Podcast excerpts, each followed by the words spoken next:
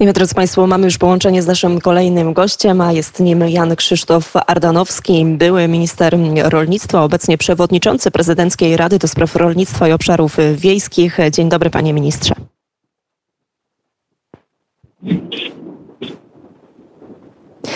Halo, halo, czy słyszymy się z ministrem Janem dzień Krzysztofem dobry, Ardanowskim? serdecznie. Ja, ja słyszę dobrze. Dzień dobry, witam. Dzień dobry, my też pana już teraz e, słyszymy doskonale. E, No dobrze, zaczniemy od e, sprawy wojny na Ukrainie, tego jaki wpływ cała ta sytuacja ma mm, na polskie rolnictwo. Mówił pan w jednym z ostatnich wywiadów, że no to nie może być tak, żeby, że może się okazać, że pomagając gospodarce ukraińskiej mocno uderzymy w naszą. Gdyby mógł pan minister rozwinąć tę myśl. Ja to podtrzymuję, bo pomoc dla Ukrainy jest oczywista i myślę, że każdy, kto rozumie polską rację stanu, mm, wie- wiedząc o tym, że Ukraina walczy również w tej chwili za naszą wolność, bo ta inwazja rosyjska prędzej czy później nas może dotknąć, jeżeli Ukraina by padła. Każdy chce pomagać Ukrainie, ale musimy pomagać z głową, musimy pomagać mądrze, w taki sposób, żeby nie zniszczyć własnej gospodarki.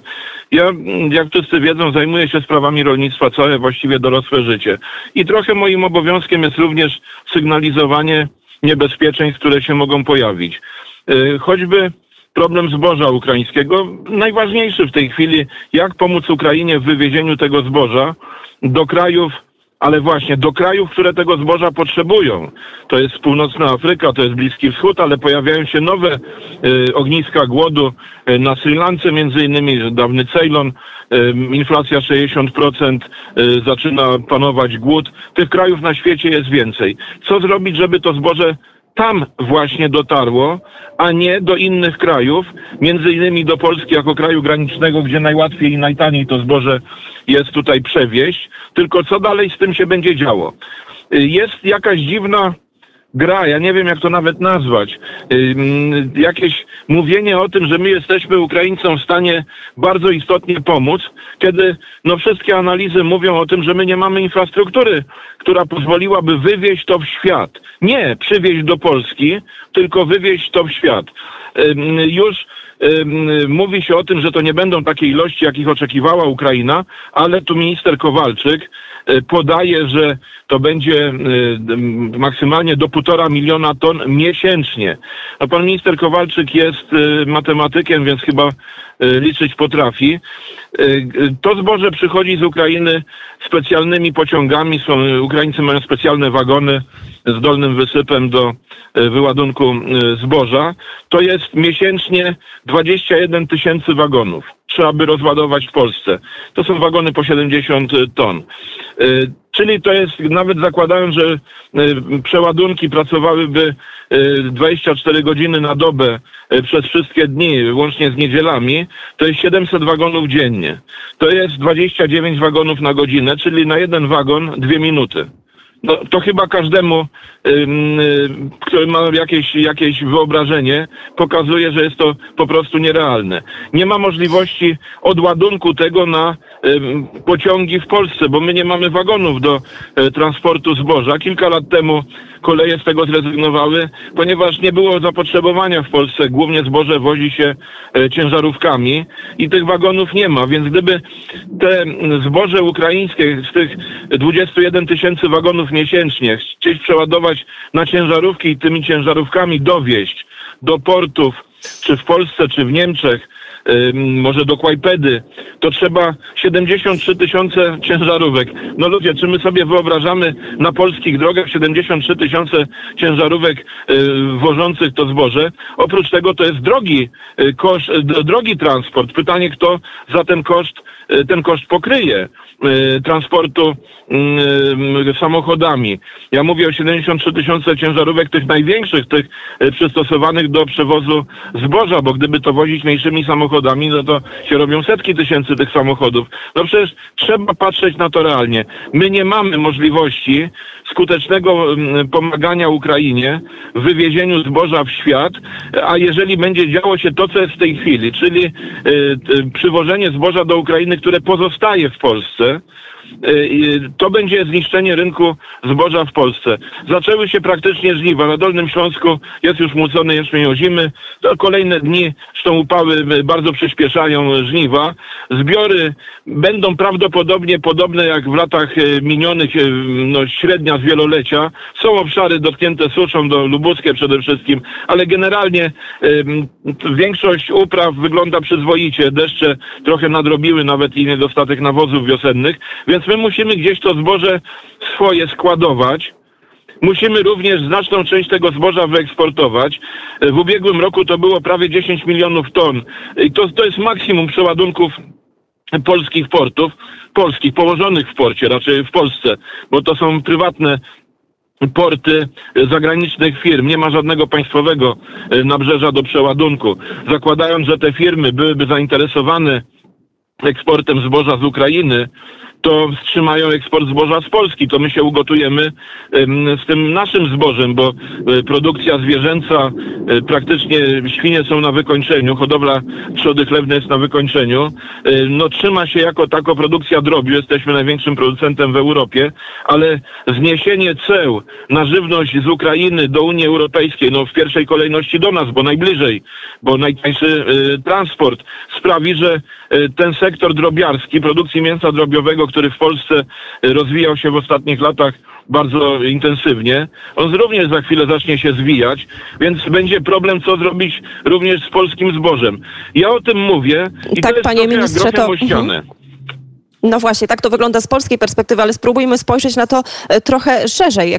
Te kilka miesięcy wojny już teraz e, pokazały nam, że bezpieczeństwo żywnościowe no, powinno być jednym z kluczowych tak naprawdę z takich punktów e, najważniejszych także dla polityków e, europejskich. Jak to się stało, że wystarczyło trzy, przez trzy miesiące przyblokować porty w Morzu Czarnym, przy, przyblokować eksport tak naprawdę z jednego kraju i teraz już mówimy o widmie ogromnego głodu, bo myślimy o krajach Afryki Północnej, północnej, to już się odbija, tam już teraz ludzie umierają e, z głodu. Jak byśmy spojrzeli tutaj też w kontekście e, tej polityki klimatycznej, o której wielokrotnie na antenie Radia Wnet rozmawialiśmy, e, polityków w Brukseli. Jak pan to ocenia tak z takiej szerszej perspektywy? Bardzo dziękuję za to pytanie, bo ono ściśle wiąże się z tymi zagrożeniami głodem na świecie. Jeden kraj, no owszem, duży kraj eksportujący, wypada z rynku globalnego i nagle się okazuje, że dodatkowych kilkaset milionów ludzi głoduje. To może spowodować ogromne skutki również migracyjne. Szacuje się, że około 50 milionów ludzi w północnej Afryce i na Bliskim Wschodzie czeka już w gotowości praktycznie, żeby wsiadać na łódki i ruszyć do Europy, czy, czy Londyn, czy przez Gibraltar i w inny, i w inny sposób. Więc to pokazuje, jak płytki jest ten rynek światowy żywności i Y, również chyba dla mnie to jest jednoznaczne, wskazuje, że kraje, które mają możliwość produkcji żywności, które mogą nawet, tak jak Polska, zwiększyć tę produkcję żywności, bo nie wszystkie kraje w Unii Europejskiej takie możliwości mają.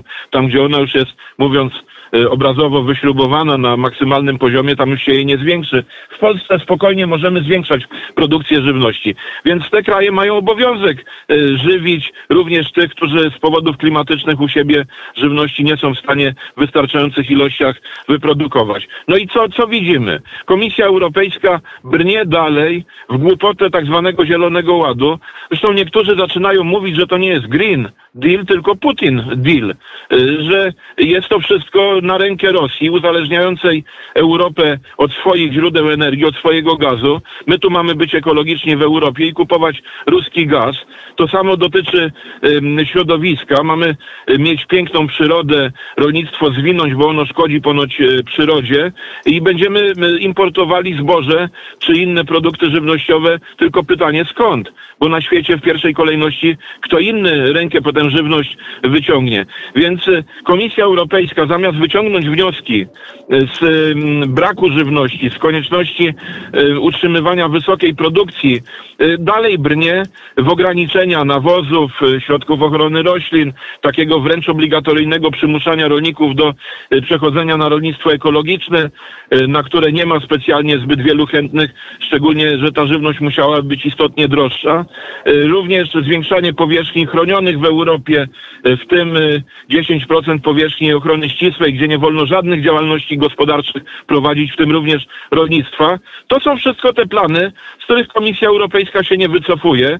Pan Timmermans, bo on jest tutaj głównym lewicowym ideologiem, no ale wspierany niestety przez innych, również przez polskiego komisarza, mówię to z, z, wielką przykrością, brnie dalej e, ta polityka unijna e, właśnie w kierunku ograniczania produkcji żywności, e, tak jakby komuś zależało, żeby Europa została zalana dziesiątkami milionów imigrantów muzułmańskich, rolnictwo się zwijało, a my wystaniemy się uzależnieni od innych, od produkcji na innych kontynentach.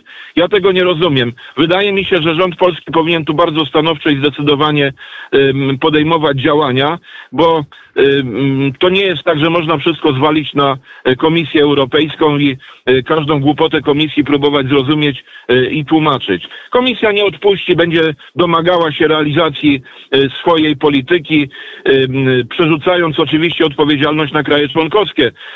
Każdy kraj ma przygotować tak zwany krajowy plan strategiczny. Tak, tylko że komisarz mówi, że tu jest pewna dowolność, a ta dowolność e, się przekłada na to, że jak Polska przedstawiła w miarę kompromisowy, taki no, wydaje się godzenie ognia z wodą, plan, żeby e, część tej polityki unijnej wprowadzić, ale nie zniszczyć rolnictwa, to komisja przysłała 342 uwagi, domagając się zmian praktycznie wszystkiego w tym e, planie strategicznym pod dyktando i według tego modełka wskazanego przez Komisję Europejską.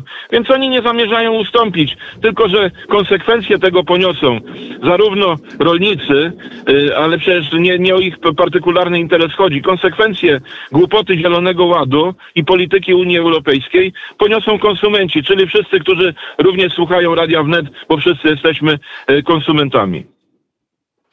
Dokładnie tak. I tutaj, panie ministrze, musimy postawić już e, kropkę. Konkluzja jest nieciekawa, ale o tym mówić e, trzeba.